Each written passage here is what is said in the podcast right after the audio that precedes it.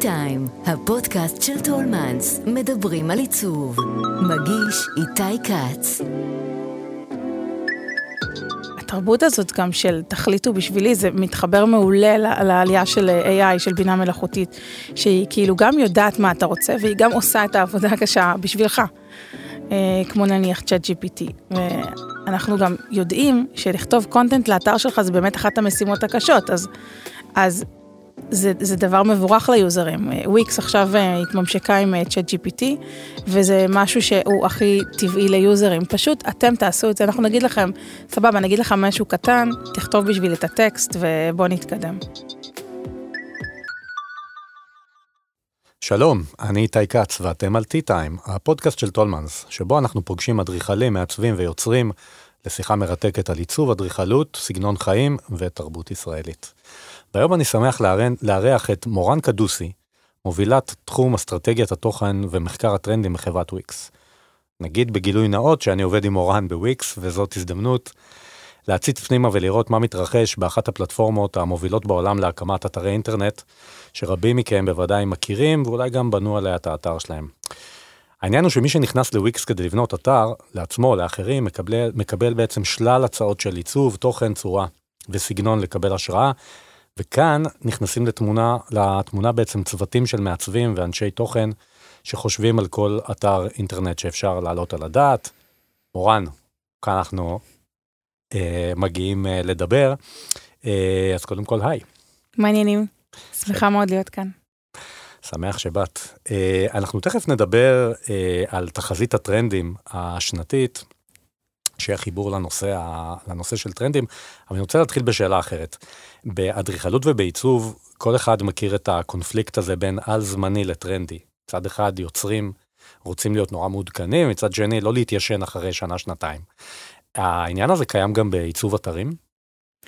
קודם כל, אה, ברור, אבל עיצוב אתרים זה, זה לא באמת כמו לעצב אה, מבנה או איזשהו בית.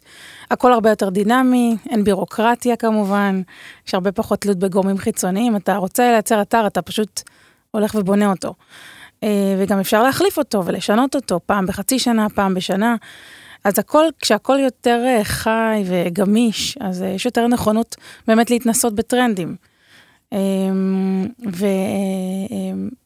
טרנדי, כאילו, טרנדים זה בעצם, זה הפכה להיות כזה מין מילה מוקצת כזאת ומאוסה, שאם משהו טרנדי אז אתה כבר לא רוצה לגעת בזה, נמאס לך לשמוע את זה. אמ, אה, אבל כשאנחנו מדברים על טרנדים, אנחנו מדברים דווקא יותר על מגמות, מגמות יותר ארוכות, משהו שצריך להישאר פה לאורך זמן. אה, והטרנדים שנמאסים על אנשים נקראים בעצם fad. זה משהו כזה כמו craze, משהו קצר מועד. אז, אז אה, אין איזשהו אתר שיכול באמת באמת להיחשב על זמני, גם אם תרצה לייצר אתר על זמני, אתה, אתה לא תוכל, זאת טכנולוגיה שמתפתחת בקצב פשוט מסחרר. גם uh, מעצבים שעיצבו משהו לפני חצי שנה, הם כבר עכשיו שונאים את העיצוב שלהם. Uh, אז uh, uh, הדבר הזה מתפתח נורא נורא מהר, וגם העדפות של יוזרים. תחשוב כאילו שרק כמה שנים אחורה היה עולם בלי טיק טוק, בלי stories באינסטגרם, בלי reels. בלי פילטרים, ומתמונה עברו לוידאו, אז זה גם מה שכיף. ובעולם כזה, כאילו, יותר קל לך, אה, יותר קל לך לאמץ טרנדים, לשקף את הטרנדים, וזה קשור למותג. אם המותג אה, רוצה אה, לצעוד עם טרנדים מסוימים, הוא יכול לבחור לעשות את זה, אבל הוא לא ייצור brand חדש משל עצמו כל פעם, אז אתה מצעיד את האתר ביחד עם ה brand שלך. בגבולות ה brand שלך. זה כאילו האיזון הכי נכון שאפשר לעשות בעיניי. אני רוצה לשאול אותך אם מהניסיון שלך, אמ, איזה סוג של תוכן ועיצוב אנשים רוצים לקבל כשהם בונים אה, אתר? כאילו גם עוד פעם אנחנו מדברים על העניין הזה של אה, מה אנשים מצפים כשהם בונים לעצמם בית, לעומת מה אנשים מצפים באיזשהו מקום מהמעצב שלהם כשהוא בונה להם את האתר. אז זה באמת נורא נורא דומה. Uh, אני חושבת שבמיוחד השלב של התכנון של האתר הוא סופר דומה, כי אתה לא יכול לבנות בית מבלי לתכנן אותו, אתה לא יכול לבנות אתר מבלי לתכנן אותו. Uh, חלק מהדברים שאנחנו עושים ב company ב Wix, שנקראת Wix Content, זה בעצם לייצר ליוזרים את כל החלקים האלה שמרכיבים את האתר. אז אנחנו מתחילים במבנה. אה, אנשים צריכים מבנה או site map, איזה עמודים, מה יש ב home page, הם צריכים layout, הם צריכים שפה ויזואלית מסוימת שהיא מורכבת מפלטה, מפונטים, טיפוגרפיה, כל מיני אלמנטים גרפיים אם אנחנו רוצים. הם צריכים גם את המדיה, זה תמונות, וידאוים, גיפים, אה, סטיקרים, לא משנה מה, והם צריכים טקסטים שמתחברים להכל, כותרות. אה, אנחנו מדברים המון גם על החוויה עצמה, על הסקרול, על אנימציה, על טרנזישנים. זה הדברים שאנחנו בעצם אה, מתעסקים בהם. אה, וזה גם משתנה מתקופה לתקופה, מתעשייה לתעשייה, בין סוגי קהלים. אז בגלל שאנשים יכולים לבנות בעצם אתר בעצמם על גבי וויקס, הם רוצים כיוונים והשראה, או ממש התחלה, מה שאנחנו קוראים טמפלטים. Mm-hmm. אבל צריכה להיות באמת הרבה מחשבה מאחורי האתר שלך, כאילו זה לא כמו עכשיו שאני רוצה לכתוב פוסט בודד בפייסבוק או באינסטגרם, זה יותר מקביל לתכנון של פרופיל שלם באינסטגרם. כשאנשים בונים לעצמם אתר אינטרנט, אני חושב כל אתר אינטרנט, זה לא משנה אם אה, אני סטודיו לאדריכלות, או שאני ספק של רעפים, או שיש לי מרכז לטיפולי aging, בסוף יש כאן איזה סוג של אבטחה, אתר אינטרנט הוא אמור להבטיח משהו. אה, ואנשים, אני חושב, רוצים שהאתר שלהם יביע את, ה, את ההבטחה הזאת. אה, את יודעת להגיד מה אנשים מעדיפים יותר, כאילו לקבל את המוצר הזה מוכן וסגור, או לאפשר להם יצירתיות וביטוי אישי, בלי, בלי שסוגרים אותם ב, באתר סופי. מוחלט. אז מהניסיון שלנו אין איזושהי העדפה אחת יותר אה, בולטת, זה ממש אה, עניין אינדיבידואלי ואיזושהי התחלקות כזאת אה, טבעית של האוכלוסייה. כאילו ב-level הכי פתוח של אנשים, אנחנו למשל מציעים blank template, זה יכול להיות דף חלק לגמרי או איזשהו wire שעליו אתה בונה את האתר שלך, אין לך שם שפה ויזואלית, זה משהו שאתה תבנה אותו מאפס עם ה vision שלך ויש לך שם הרבה עבודה. אה, יש את ה-level השני שזה template, זה תבניות שמעוצבות מראש לכל מיני סוגי ביזנסים. ולטמפלטים יש גם מבנה, אבל יש להם גם שפה ויזואלית כבר, ותמונות ווידאוים וכותרות. אמ, ה-level האחרון שהוא כאילו הכי כזה אתר ברגע זה כזה אם אתה לא רוצה לעצב אתה יכול ללכת למה שנקרא אצלנו site creation שבו אתה ממלא כזה שאלון אה, הוא אומר, אה, אומר לה אומר להם מה ה business שלך, איזה אפליקציות אתה צריך באתר, איזה פלטה אתה מעדיף. והאדיטור הזה פשוט בונה לך את האתר, כולל כל הטקסטים שבתוכו, כאילו נשאר לך רק לעשות פרימיום ולפבלש אותו ואתה good to go. אז זה באמת כאילו נורא נורא אישי, זה תלוי בהרבה גורמים, מה אתה רוצה לעשות בעצמך.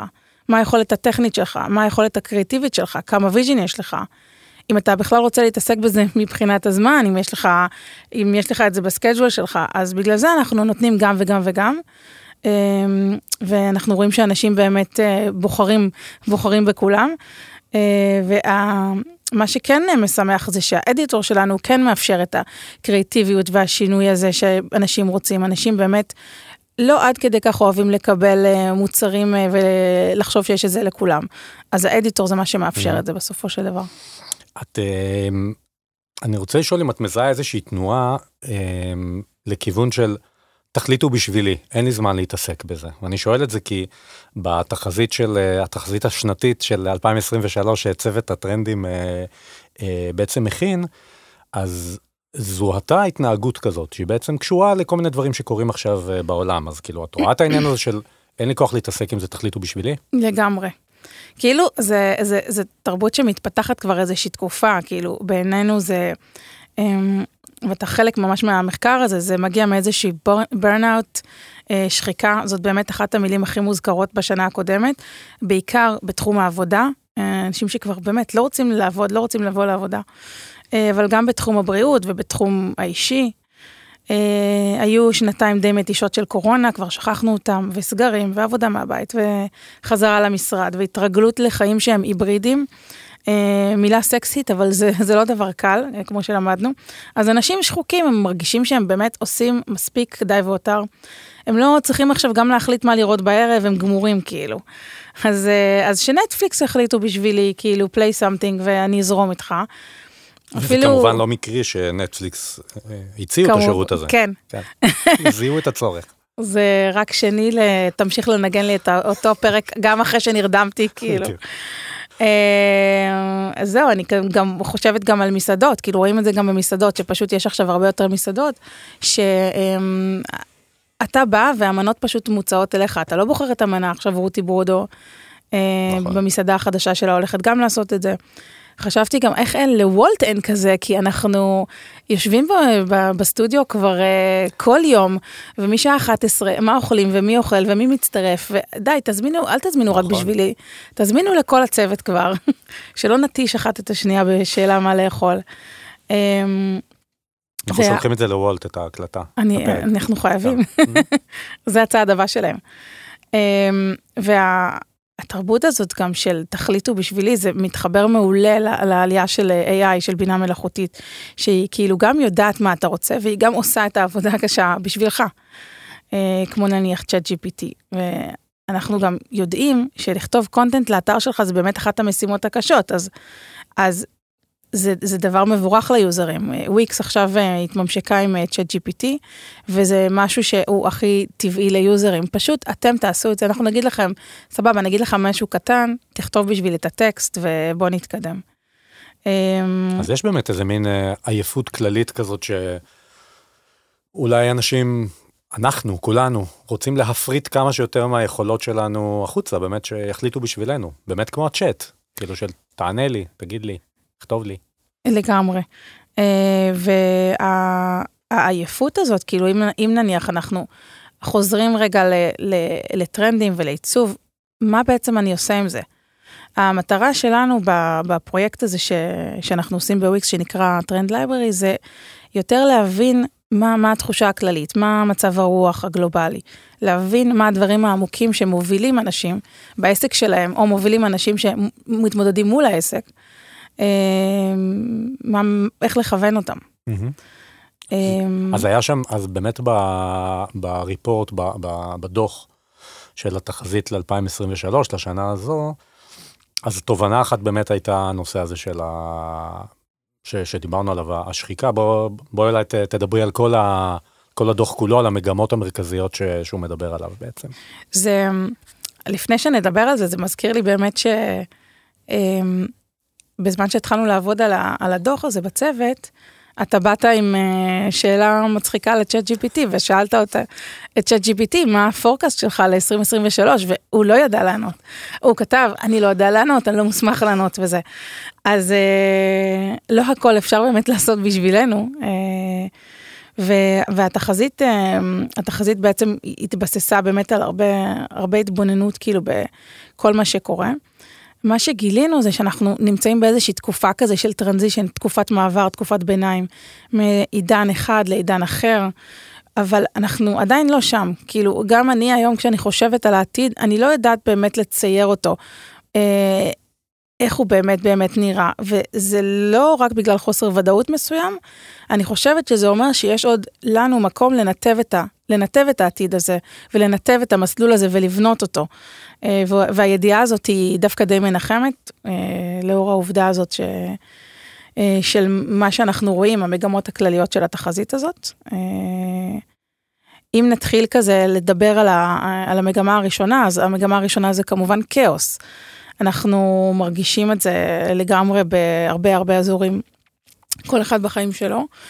ו, ובשנה הקרובה אנחנו באמת נחפש אחרי איזושהי בהירות או נחמה בעולם שהוא נורא נורא כאוטי. אז תחשוב על זה שכאילו יש אה, את הפלישה של רוסיה לאוקראינה, עדיין נמשכת, שנה אחרי זה. משבר האקלים, אה, הייתה רעידת אדמה עכשיו בטורקיה ובסוריה. יש מזג אוויר סופר קיצוני אה, בגלל משבר האקלים. אז אה, שנה שעברה היו שיטפונות אה, עצומים בפקיסטן. יש שיטפונות בקליפורניה אפילו, שהיא בכלל רגילה כל כך לשריפות ולבצורת נוראית. יש המון המון מחאות, המחאה באיראן, המחאה בישראל נגד ההפיכה השלטונית. אי שקט כללי אי שקט כללי מאוד מאוד, כאוס ופיטורים בהייטק. אה, בוול סטריט, הביטקוין התרסק, אה, כאוס בנמלי התעופה. עכשיו בדיוק דיברתי עם, אה, עם כלנית פה בחוץ והיא סיפרה לי ששבוע עיצוב במילאנו גם פשוט עמוס עמוס עמוס באנשים ועם תורים אינסופיים. אז הדבר הזה בסוף אנשים קולטים אותו ומבינים אותו. ו, ומה שאני חושבת ש, שצריך לעשות, זה, או מה שאנשים ירצו, זה דווקא יותר סדר. אז אפשר באמת להתנגד לכאוס הזה ולייצר סדר. אם אנחנו מסתכלים על עיצוב אתרים, אז אפשר לקחת את זה למינימליזם, לאיזושהי דיכוטומיה בצבעוניות כזה, back to basic של שחור ולבן. אבל אתה גם יכול להצטרף למגמה הזאת, אתה יכול גם לשקף כאוס, תלוי מה אתה רוצה. נניח עכשיו ראיתי בהפגנות המון דברים סופר קריאטיביים וראיתי בסושיאל דגל ישראל מפורק, זאת אומרת השיקוף של הכאוס זה באמת הפירוק הזה. הייתה גם איזושהי תאונת רכבות אה, קטלנית ביוון, וגם שם לקחו את הדגל ופירקו אותו ממש בדומה לישראלי, שהוא יראה כמו רכבת כזאת שהתפרקה וירדה מהפסים. כאילו המצב אה, הנפשי באיזשהו מקום מתורגם אה, לשפה גרפית. כן, זה, זה, זה באמת הלב של העבודה שלנו במחקר הזה. אמ, אז כאוס זה דבר אחד. כאוס זה דבר אחד. אה, העייפות, הפתיג, מאבק כזה בעייפות החומר שדיברנו עליו קודם, אז עוד פעם, זה איזה חזרה נורא נורא קשוחה למציאות אחרי קורונה, ומצב מנטלי לא מדהים, והיה לנו את ההתפטרות הגדולה ואת ההתפטרות השקטה, ושחיקה של אנשים. אז ראינו את זה המון כזה, למשל במסכות על כל הפנים כבר, כאילו די, אין לך כוח יותר. או אתה רואה למשל בפילטרים את העלייה של האפקט של הגל, שהכל כזה wavy. אמ, תחושה כזה הזייתית ומתעתעת. אה, יש גם המון קליפים למשל שמשתמשים פשוט בלופים אמ, כאלה, כמו הקליפ של הארי סטיילס. אה, אז, אז שוב, אתה יכול באמת להילחם בעייפות. אה, רואים את זה כבר, כבר תקופה, גם, גם בבשיא של הקורונה, עם דופמין דיזיין. אפשר לעשות את זה באמצעות צבעים שהם נורא נורא חזקים, וגם הם הולכים ומשתנים, אז צבעים משמחים כאלה, אה, חיים שנלחמים בעייפות האלה. אמ, אנחנו גם רואים למשל, אה, אם אתה רוצה להצטרף דווקא ללופ הזה, אז אנחנו מזהים עכשיו אתרים שיש להם uh, uh, endless loop scrolling. זאת אומרת, אתה, אתה גולל, אתה מרגיש שאתה גולל למטה, אבל אתה בעצם אתה באיזשהו מקום מעגלי בתוך האתר. אתה, אתה כבר לא יודע, התחלת, uh, הגעת, uh, התחלת מחדש, אין לך back to top כזה, זה, זה לא, אין נקודת התחלה. זאת אומרת, בשני הדברים שהזכרת עד עכשיו, גם בכאוס וגם בעייפות, בפתיג, אז מבחינת המעצבים זה כאילו או תנסה לאזן את זה, או תצטרף לזה ותרכב על הגל הזה, גם אם הוא גל קשה, כאילו ת, תשקף אותו באיזשהו מקום. נכון, אני חושבת שהרבה יותר קל למעצבים, כשהם מעצבים פרויקט שהוא נורא יצירתי, או יותר פרויקט שהוא קשור לעיצוב, אולי זה הפורטפוליו האישי שלהם, אולי זה איזשהו משהו שקשור ל-NGO, או, או, או שקשור לרעי, לרעיונות יותר, אה, יותר מהפכניים, אז יותר קל לך להצטרף לדברים האלה שהם באמת אה, כאוטיים ולייצר דברים נורא נורא מעניינים. אבל uh, אתה כן, כשאתה מעצב אולי לעסקים, uh, ואתה, יש לך חנות, מה קורה ליוזרים כשהם, לקליינטים שלך, כשהם מגיעים לחנות הזאת, החנות האינטרנטית? האם הם מוצפים, מרגישים מוצפים? האם הם באים אליה כשהם כבר עייפים בלילה ועושים סקרול בטלפון והם פשוט uh, לא יכולים להתרכז בגלל עומס האימג'ים שאתה, שאתה מציף אותם mm. בהם. אז כן צריך לחשוב על זה, כאילו, מה אתה רוצה, מה אתה רוצה לייצר, איזה מסר אתה רוצה להעביר באתר, מה אתה צריך להשיג ממנו. Mm-hmm. ובעצם מגמה נוספת שעלתה במחקר, היא מה שנקרא exposure, כאילו של איזה מין העלאה של, נכון? נכון. העלאה של הדברים על פני השטח. אז אמ, באמת כאילו האמת, אה, האמת עולה אל פני השטח, וראינו שהמסכות ירדו, איזה כיף, והפנים התגלו, ואנשים חזרו לעשות דייטים, אה, וגם הגוף התגלה. אה, אנחנו ממש רואים עכשיו איזושהי פריצה כזאת של דימויים נורא חושניים וסקסיים, סילואטים של הגוף. אמ, אבל הירידה הזאת של המסכות היא לא, לא רק פיזית, היא גם מטאפורית, כאילו הפרצוף האמיתי של אנשים הרבה פעמים מתגלה. אה, תיקח לדוגמה את קניה ווסט וכל ההערות האנטישמיות שלו. אמ, אמ, פחות פוליטיקלי קורקטנס. פחות פולי, הרבה פחות. הרבה יותר בוטה. במובן הארצי, גם בגלל משבר האקלים, אז, אז האדמה נחשפת ממש. כאילו, קרחונים נמסים, אתה רואה פסגות של הרים. האדמה מתחממת, כאילו, נהרות מתייבשים, אתה קולט כאילו שפתאום נחשפות כזה ספינות מלחמה, עקבות של דינוזאורים.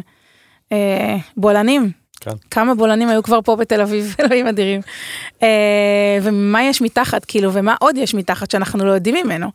אז אה, זאת, זאת ואיך זה, תחושה. איך זה מתרגם עוד פעם לעיצוב אתרים, איך זה מתרגם למעצבים בכלל, בעינייך? אני חושבת שדווקא במקום הזה, זאת באמת אה, אחת המגמות האהובות עליי, כי יש בה כל כך הרבה אמ, אה, אלמנטים ויזואליים שאפשר לשחק איתם, אם זה השכבתיות הזאת, אה, אה, שקיפויות, קולאז'יות, אה, אפשר לעשות אה, המון המון אה, קולאז'ים שגם נמצאים אה, באיזושהי עלייה, אה, וכל מיני טקסטורות גם של אדמה וצבעים של אדמה, אז אה, זה סופר מעניין. אה, בואי נדבר גם על החזרה לאחור, איזה מין אה, רטרו, פניית פרסה, כן. איך, אה, איך נקרא לזה? אה, זה טוב, אנחנו קראנו לזה רולבק, גם כן מושג כאילו מה- מהטק, שפשוט אתה חוזר לגרסה הקודמת. עכשיו, יש כאן כן אה, איזושהי התרפקות כזאת נוסטלגית למלא מלא עשורים, שזה 70's, 90's, 2000, עכשיו אנחנו גם רואים את ה-60's חוזרים, אז אה, יש לך כזה המון אה, צבעים חמים של 70's, ובעיצוב יש לך כזה פינות מעוגלות של רהיטים עגולים, דברים ש... אנשים נורא אוהבים פתאום פאטרנים מסוימים, אה, אבל יש גם מה nineties, אז יש לך את אה, ג'ניפר לופז ובן אפלק שחזרו אחרי 20 שנה, אין יותר קאמבק מזה, כאילו, אה, ומלא תוכניות על nineties, ועיצובים שמרפררים כזה לראשית האינטרנט, ל-Y2K. אה, אני כאילו הכי מתה על זה, כאילו אני מתה גם על ה nineties, כי הייתי כאילו טינאייג'רית ב nineties, וגם על ה-70's, שזה אה, דיסקו זה באמת החלום שלי, אבל כאילו מצד שני, אנחנו גם רואים איך זכויות יסוד יכולות ממש להילקח מאזרחים ברגע ולהחזיר אותם literally ל-70's. אה, הייתה את ההחלטה לבטל את אה, פסיקת Roe v. Wade, החלטה של בית המשפט העליון בארצות הברית שאפשרה למדינות פשוט לאסור על הפלות על פי חוק. אז אתה באמת מצפה... שזה מה... באמת מין rollback לשמרנות באיזשהו מקום, נכון. זה מין אנטי, אנטי progressive. נכון. אתה גם מצפה שהאנושות היא תתקדם קדימה, אבל אולי, אולי לא כולם רוצים להתקדם קדימה, אולי הקדמה היא לא באמת אותה קדמה לך ולמישהו אחר. אה, אפילו ראינו את זה, אפילו ראינו את זה באינסטגרם, נכון? שהיה את אה, מחאת אה. בדיוק, make Instagram Instagram again, אז הם, גם הקרדשיאנס לא, לא רוצות שאינסטגרם ישתנה, הן לא רוצות אלגוריתם שמקדם videos ו- ו reels על פני התמונות, הן רוצות שזה יישאר כמו שזה. אה, שומרות מסורת. שומרות מסורת, כן. אה, אז שוב, אתה יכול באמת כאילו להצטרף לטרנד, ואנחנו רואים איזשהו אה, רוח נוסטלגית שמנשבת בכל מקום, נוסטלגיה כמובן כאיזושהי נחמה, אז זה גם צבעים כאלה חמים ומרגיעים. אה, מצד שני, אתה גם קצת מרגיש. שיש איזושהי חזרה לימי הביניים, ואנחנו מזהים את זה ממש בעלייה של פונטים של ימי הביניים, כזה פונטים סריפים כאלה. אה, ארוכים, וגם ביצירות AI, המון, אה, המון אומנים, digital artist, לוקחים פשוט visuals שהם אה, ממש מימי הביניים, ומלבישים עליהם דברים עכשוויים, אה, זה גם סופר מעניין. אה, ובאמת כל אחד לוקח את זה אה, לאן שהוא מרגיש איפשהו על המפה החברתית, המוסרית, הפוליטית, אה, אני חושבת. רציתי שנדבר גם על, ה, על הטרנד של כסוף ומטאלי, אבל נראה אם נגיע אליו. אני רוצה רגע לקפוץ, לשאול אותך, באופן כללי, מתי, מתי את מזהה שמשהו צריך לשים לב אליו, וזה לא, טוב, היום עבר כאן איזה משהו, מחר עבר משהו, מתי את פתאום נעצרת על משהו, אומרת, אני רוצה לשים לזה לב יותר. אני חושבת ש... אמ, שאם אתה מסתכל על הכל כל הזמן, אז אתה יכול לזהות כשמשהו חזק עובר מולך.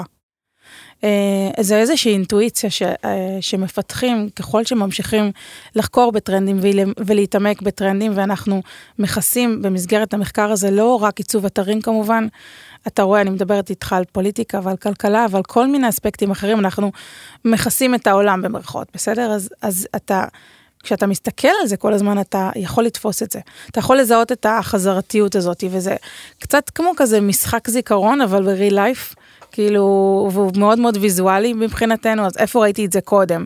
מה זה מזכיר לי? אה, ככה אנחנו בעצם חושבים בצוות. החלק השני זה באמת איזשהו חיבור למשמעות, כאילו אתה צריך כן לצרף את החתיכות של הפאזל הזה ולהרכיב מהם איזושהי תמונה יותר גדולה. למה הדברים קורים? למה הם קורים דווקא עכשיו? לפעמים, לפעמים אנשים שואלים, מי בכלל התחיל, מי, מי החליט שזה טרנד? מי הראשון? מי התחיל אותו?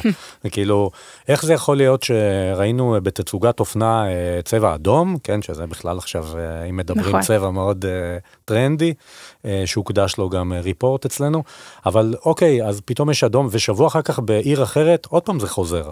אז רגע, מה הם, זה איזה קרטל? אממ, תראה, כל, כל המעצבים הם, הם כל הזמן מסתכלים וסופגים השראה מכל מקום. הם מסתכלים החוצה ופנימה. הם ניזונים מאותו פיד, שומעים את אותם קולות, רואים חדשות, אולי אפילו קוראים את אותו, אותם trend report ש, אה, שסוכניות אה, בינלאומיות מפרסמות, והם מפתחים את הדבר הזה. אבל הם גם נמצאים, לא נשכח, כאילו באותו איזשהו מיליה של קולגות וחברים. אה, יש בעלי מקצועות שעובדים עם כולם, יש מגזינים, דוגמניות, אפילו סוחרי בדים. אז אתה לא יוצר את הדבר הזה באיזשהו ואקום, אתה חשוף להכל. אה, וזאת הסיבה לדעתי שהטרנדים שה, האלה גם מתפשטים מאוד מהר, לפעמים גם באותו זמן. אה, השאלה זה באמת איך אתה מתרגם את הטרנד למותג שלך, כאילו לשפה הייחודית שלך, אם בכלל אתה רוצה לתרגם אותו. אה, וזה מה שאולי שומר על אנשים מלהיות לא מקוריים, נקרא לזה. אני רוצה אפרופו זה לשאול אותך על צבע השנה. זה מסוג הדברים שלפעמים אנשים מקבלים את זה כבאמת הכרזה בעלת חשיבות, כאילו עכשיו אה, על האפיפיור החדש, ולפעמים זה סוג של זלזול, כאילו, וזה אחד הביטויים הכי, אני חושב, מתוקשרים לטרנדים. אה, בראש ובראשונה יש את פנטון שמכריזה על צבע השנה, אבל היא לא לבד. אה, אז רגע, פנטון החליטה שזה צבע X, אבל הם אמרו, וואי, אז רגע, מי צודק ומי סמם? ואני רוצה לשאול, האם להכרזות האלה יש בסופו של דבר כוח, או שזה פשוט איזה מין טקס uh, שנתי שכבר אי אפשר להפסיק אותו? Um, אני חושבת ש, שצריך להתייחס להכרזות האלה כאל איזשהו כיוון מעניין, שחברה מאוד גדולה השקיעה במחקר הזה, הם באמת סורקים כל דבר שנמצא בשוק ועושים הערכות, כולל נניח הערכות uh, גם פסיכולוגיות של מה, מה, למה אנשים הולכים להימשך, וכמובן יש את הפסיכולוגיה של הצבעים, אבל... בסוף כאילו להכרזות האלו יש כוח, אמ, וזה בסדר, זה בסדר שפנטון יגידו משהו אחד, ו-WGSN וקולור יגידו שהצבעים הם אחרים, וטמבור יאמרו שהצבעים אחרים, זה, זה ממש לא, ה, לא העניין. אני גם, להכרזות האלו יש כוח, אבל לא צריך להיות תמימים, כאילו פנטון עובדת אה, אה, בצמוד גם עם גופים מסחריים אחרים, שהם בתורם מקדמים את צבעי השנה שלה. אז למשל H&M הוציאו קולקציית פנטון ממש עכשיו, והשת"פים האלה מניעים את הגלגל. אמ, אנחנו כן מתייחסים לצבעים האלה גם בתחזיות ובריפורטים שלנו, אבל אנחנו לוקחים בחשבון שזה לא אחד לאחד. אמ, מתי באמת יתאים להשתמש בכסוף מטאלי, מתי יתאים להשתמש בוויבה מג'נטה, זה נורא תלוי בערכים, מתאים כאילו לתעשיות שונות. ו... יש לך נגיד איזושהי דוגמה. לאיפה אנחנו השתלבנו בזה, כאילו המחקרים האלה עם הצבעים? אמ, עשינו לפני אה, הרבה שנים אה, מחקר על הצהוב של הניאון, זה היה סופר טרנדי, אז ראית את זה על מלכת אנגליה, על קרדשיאנס, ראית את זה ב print, ראית את זה ב web, אז זה, אממ, במחקר שעשינו, אז ראינו גם שהצבע הזה הוא פרץ אחרי מחאת האפודים הצהובים בפריז. אה, אם אתם זוכרים, היה גם נוכח במחאת הנשים נגד אה, ממשל של טראמפ, וזה צבע, צבע של מחאה, mm-hmm. בסופו של דבר. אה, אני זוכרת את עצמי מסתכלת על כזה פריטים ראשונים בניאון ואומרת לעצמי, מי ילבש את זה? מי ישתמש בזה? זה יותר מדי, כאילו, אבל, אבל לא, אבל זה פשוט התפוצץ. אמ, והצבנו אז גם איזשהו טמפלט לכזה יועצת סושיאל מדיה, זאת הייתה הדמות כזה שבנינו, והיא כאילו הייתה אישה ועובדת עם NGOs ואקטיביסטית, אז כשהמעצב בא עם איזה שתי סקיצות, אז אחת הייתה עם highlight כזה כתום חזק, ואחת עם highlight בצהוב ניאוני. אז ברור שבחרנו בקלות בצהוב, כאילו זה הופך את ההחלטות העיצוביות לקלות יותר. אנחנו... בסופו של דבר אנחנו רוצים להבין מה הצבעים האלו אומרים. זה שיש צבע זה, זה נהדר, אה, אתה לא חייב להשתמש בו, אתה צריך כן אבל להבין אותו ומאיפה הוא נובע ומה הוא, הוא משדר. אז אולי יש לך עוד דוגמאות לתובנות האלה שהן באות מתוך מחקר טרנדים, מלבד העובדה שזה תמיד מאוד ויזואלי ויוצר פרזנטציות מאוד מרהיבות, איך הן בסופו של דבר משמשות מעצבים ובכלל מי שבונה אתר, אתר באינטרנט, איך כאילו הדבר הזה מתרגם בעצם. אמ, התפקיד שלנו זה, זה לחשוף את המעצבים ואנשי תוכן לטרנדים בסוף. הם לוקחים את ההחלטות האלה בעצמם, מפתחים את האסטרטגיה לפי מה שהם רואים. אה, אני אתן את הדוגמה הכי חזקה גם שהייתה לנו בשנים האחרונות, וזאת ההתפרצות של הקורונה. אני זוכרת את עצמי עושה איזשהו מחקר טרנדים ל Wix Stores, שזה המערך commerce שלנו, וקראתי כתבה ראשונה בחיים על קוביד, על מה שקורה בסין. אמ, נגיף תמים. נגיף תמים, לא ידוע מה קורה, מה קורה בסין, והם אה, אה, חוקרים את זה וזה, זה היה בסוף דצמבר או תחילת ינואר, והתחלנו כזה לחפור בזה ולהתעמק בזה ולאסוף על זה דברים. זה אומר שכשהתחילו הסגרים בישראל ובמדינות אחרות, בעיקר הברית, הצוות שלנו כבר ידע כאילו בדיוק במה מדובר. אמ, ידענו שיש את המחלה עצמה, היא מסתורית, אה, קשיי נשימה, חום, ידענו שיש תגובה של ממשלות, נניח סגר, הגבלות תנועה, בידוד. אה, ידענו שיש תגובה כלכלית מאוד מאוד חזקה, כאילו משבר בשוק העבודה, אה, אין עובדים, העסקים סגורים, יש תעשיות שכבר נפגעו בצורה מיידית, כמו תיירות. יש תעשיות שפורחות, כמו רפואה או הייטק, כן? או עבודה מרחוק. אה, ידענו מה התגובה של אנשים לזה, פחד, ניתוק, בדידות. עכשיו גם היו עוד כל מיני מנהגים חדשים שכבר אז התפתחו, כולם עברו לאונליין. כולם התחילו לאפות, כולם התחילו לתרגל לזום.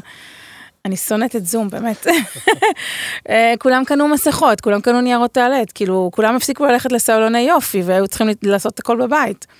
אז את כל זה כאילו כבר ראו במדינות הראשונות שחוו את המשבר, ומה שאנחנו עשינו זה פשוט לקחת את האינפורמציה הזאת ולתרגם אותה באופן מיידי כאילו לכל המוצרים שלנו.